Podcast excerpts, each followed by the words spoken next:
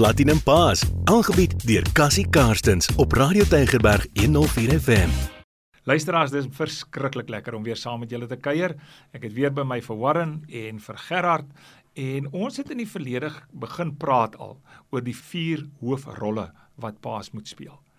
Die eerste een is hy bring morele autoriteit. Daai morele kompas. Hy is die een wat dit huis toe bring en dit vestig by die huis. En dan 'n tweede een is hy dra identiteit oor. Nou dis nie net net hy dit oordra nie, maar hy is die hoofoordraer van identiteit en hy bring dit huis toe. Ons gaan vandag 'n bietjie daaroor praat. En dan volgende keer gaan ons praat oor hy bring emosionele sekuriteit uh, na die huis wat aangevul word deur mamma en dan bring hy daardie bevestiging van positiewe gedrag. So die vier rolle van pa wees. Nou vandag oor meer oor identiteit. Warren, ons lewe in 'n baie snaakse wêreld. Hy is baie fluktuerend en kinders word in 'n baie groot wêreld groot. Selfs die kinders op die platteland stap met die selfone wat beteken hulle het nou net nie hulle eie plaaslike omgewing in hulle lewe nie. Hulle het sommer die hele wêreld wat inspel in hulle lewe. En dit bring verwarring in 'n mens se verstaan van wie jy is, van jou identiteit. Hoe vind jy dit? Ja, nee, ek stem heeltemal saam met jou, Cassie. Toe ek vir 'n tyd lank in Afrika gewerk het, was dit daai tweevoudige wat hulle in Engels sê dualism, waar ons kindertjies wat in armoede leef, maar hulle sit nou, hulle het die televisie, hulle het 'n selfoon en hulle sien hoe dit in die westerse wêreld gaan. Dis nou al hierdie weelde en dit wat hulle beleef en en so hulle fantasieer oor uh, hierdie wêreld en dan maar dit wat hulle beleef self is totaal verskillend en en dit dit bring baie groot verwarring. So ek moet sê dit is 'n groot verwarringssituasie situasie. Ek self het 'n persoonlike en saam met my vrou en gesin waar ons 'n dogtertjie uh Zulu kultuur Tandi en uh, sy was 12 jaar oud ontsettend onseker. Groot verwarring uh en tussen in ons huisgesin begin inkom en ja, haar lewe net begin draai het vandat sy gewoon begin raak het in terme van die waarheid waarvoor ons dan sal later 'n bietjie daaroor praat. So so ja, so dit is dit en ek dink as jy daar's nog ietsie anders ook rondom is dit is die die die druk. As ons kyk na die geforseerde druk uh, van ouers. As ouers baie keer uh, wil ons op kinders sekere dinge afforceer. Baie keer is dit ook dat ons ons drome deur hulle wil uitleef. Mm. Uh ek kyk baie beroepe waar ouers Ek weet my pa het ook en deur die Here se genade het ek vir Derry gesê, gesê Derry ek ek kan nog nie hier na Derry luister nie want uh, ek sal Derry kan my guide maar ek sal nie besluit met my, my eie beroep. Maar baie keer gaan kinders in volg omdat paas hulle basies vir uh, ouers hulle forceer. Of miskien 'n pa uh, wat uh, graag die eerste rugby span wou haal, dit nooit behaal het nie en en nou wil hy deur sy kind dit bereik. So ja, so ek het uh, ons het nogal ook baie gevalle van selfmoordgevalle waar as gevolg van daai druk se tieners ons het in die Parel baie betrokke is. Daar het ons ook hierdie selfmoordval en dit is baie hartseer. Gelukkig is daar ook baie wat ons betyds uh waar daar intervensies is betyds en waar hulle dit oorweeg het. So ek wil net sê op platinum Wat was die druk daar? Was dit nou maar dat die tieners maats vir hulle probeer in 'n sekere rigting druk en en hulle weet net hulle is nie dit nie of wat sou die hoog druk daar gewees het? Ja, eh, dit is die die die ouers se druk is een een aspek en dan obviously ook die die tieners se druk. Kassie ons as paas moet dit definitief besef dat die tyd waarin ons leef uh is daar fenominale druk. Die druk is massief op tieners. As ons kyk na social media, baie groot druk en en, en kinders wil inpas, dit 'n gebruik aan uh, identiteit en hulle wil iewers ook cool wees. Uh die Engelse woord belonging. So as gevolg daarvan ja, so dit het 'n uh, speel 'n groot rol in daardie neigings tot selfmoord en is baie ernstig dan ja. Ja, as jy mens na die kerk kyk, natuurlik die kerk is ook 'n kruiskultuur. Dit is dit is nie die gewone kultuur van die omgewing nie, veronderstel om te wees nie. Ongelukkig ja. dink ek is baie kerke is maar die gewone kultuur en die koninkrykskultuur verskriklik vermeng. Maar die kerk is veronderstel ook om daai kultuur oordrag te bring. Dit so leef koninkrykskinders, so dink koninkrykskinders. En ons gaan vandag 'n bietjie daaroor ook gesels. So daar is 'n baie redes van verwarring. Gerard, jy werk met jong manne en veral hulle wat nou so na volwassenheid se kant toe staan. En is daar ook baie identiteitsverwarring wat jy optel? Definitief Cassie. Ja, een van die goed wat vir my baie uitstaan is dat ja, daar is hierdie sosiale druk en dit bring 'n sekere verwarring mee. Maar daar's een vlak van verwarring eh, wat ons aan aandag moet gee en dit is daai verwarring wat saamkom met 'n verpletterde gees.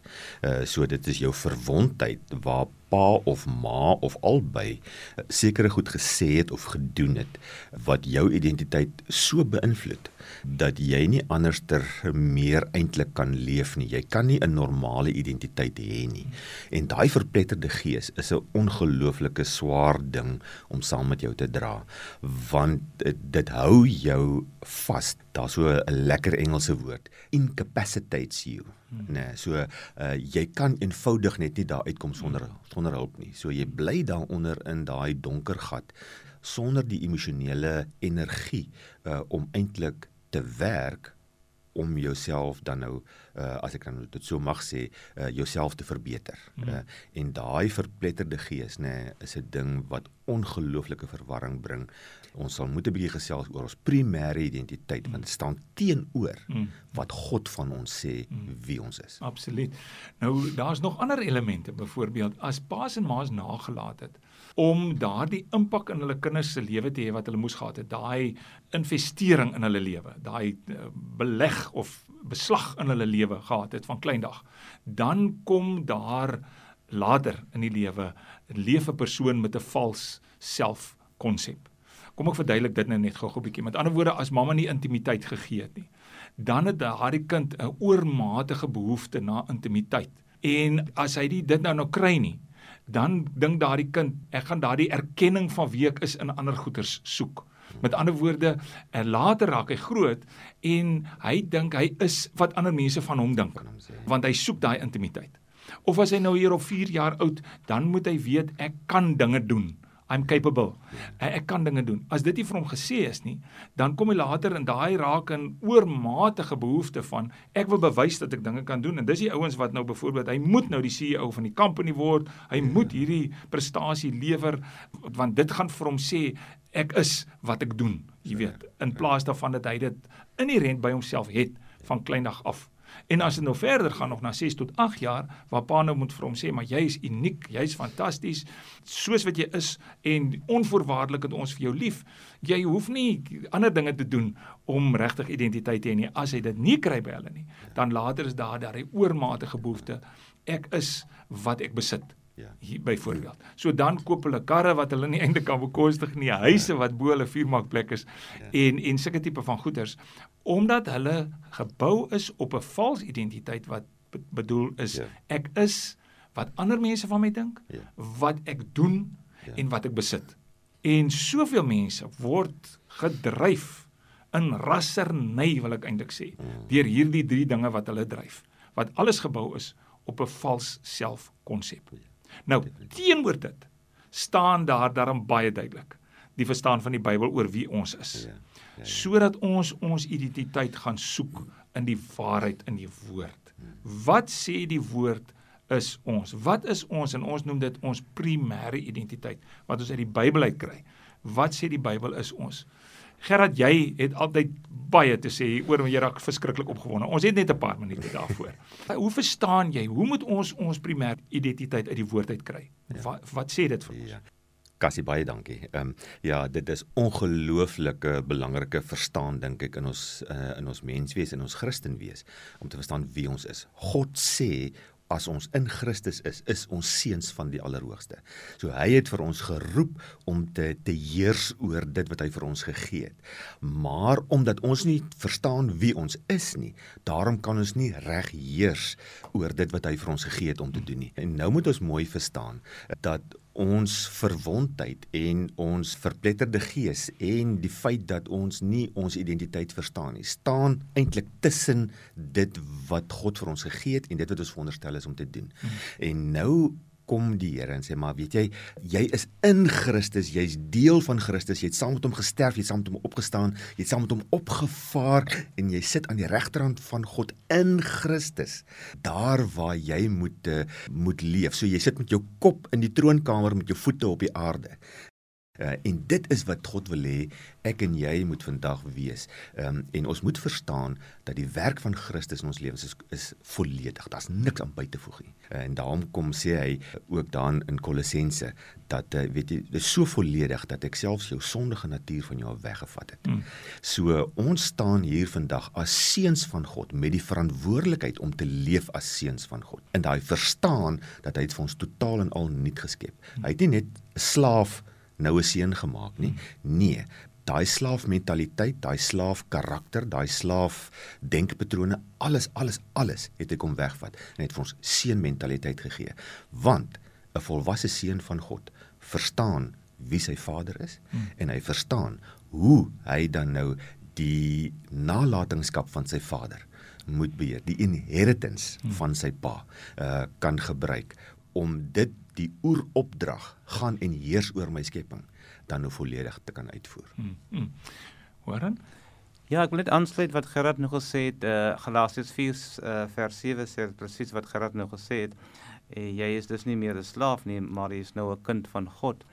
En kassie dit wat jy ook vroeër genoem het, dit wat ehm uh, jy doen, jy wil jou uh, dit uitleef, dit wat uh, ander mense van jou sê is veel belangrik terwyl eintlik moet jy so seker verseker wees wat is jou primêre identiteit. As ek die Engelse woord label kan gebruik, vra baie keer vir die, vir die, vir die jeugleiers ehm um, as jy hierdie selfoon wat jy nou so in jou hand het as as jy dit self gemaak het, wie weet jy reg om dit te label? En dan sê hulle as ek, want ek het dit gemaak. Dan vra ek vir hulle maar wie het vir jou gemaak? En sê hulle God. Uh, dan sê ek maar dan ons God mens moet jy alleen reg om vir jou te label. En nou laat jy ander toe.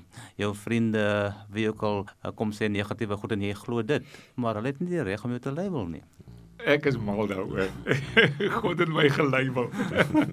Dis 'n wonderlike ding. Nou kyk, daar is baie keer 'n dissonansie tussen dit wat ons glo en dit wat ons uitleef of emosioneel ervaar. Met ander woorde, jy glo jy's 'n kind van God, jy kan die teksversies opsê, maar nou kom jy in die praktyk en nou word jy uitgedaag. En nou skielik verval jy in 'n ander optrede. Jy tree nie op soos 'n kind van God nie.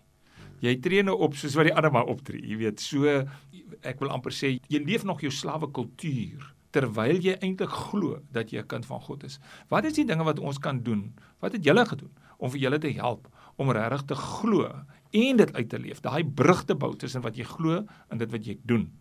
Uh tussen ek glo ek is 'n kind van God, maar ek leef ook soos 'n kind van God. Wat het wat het vir jou gehelp?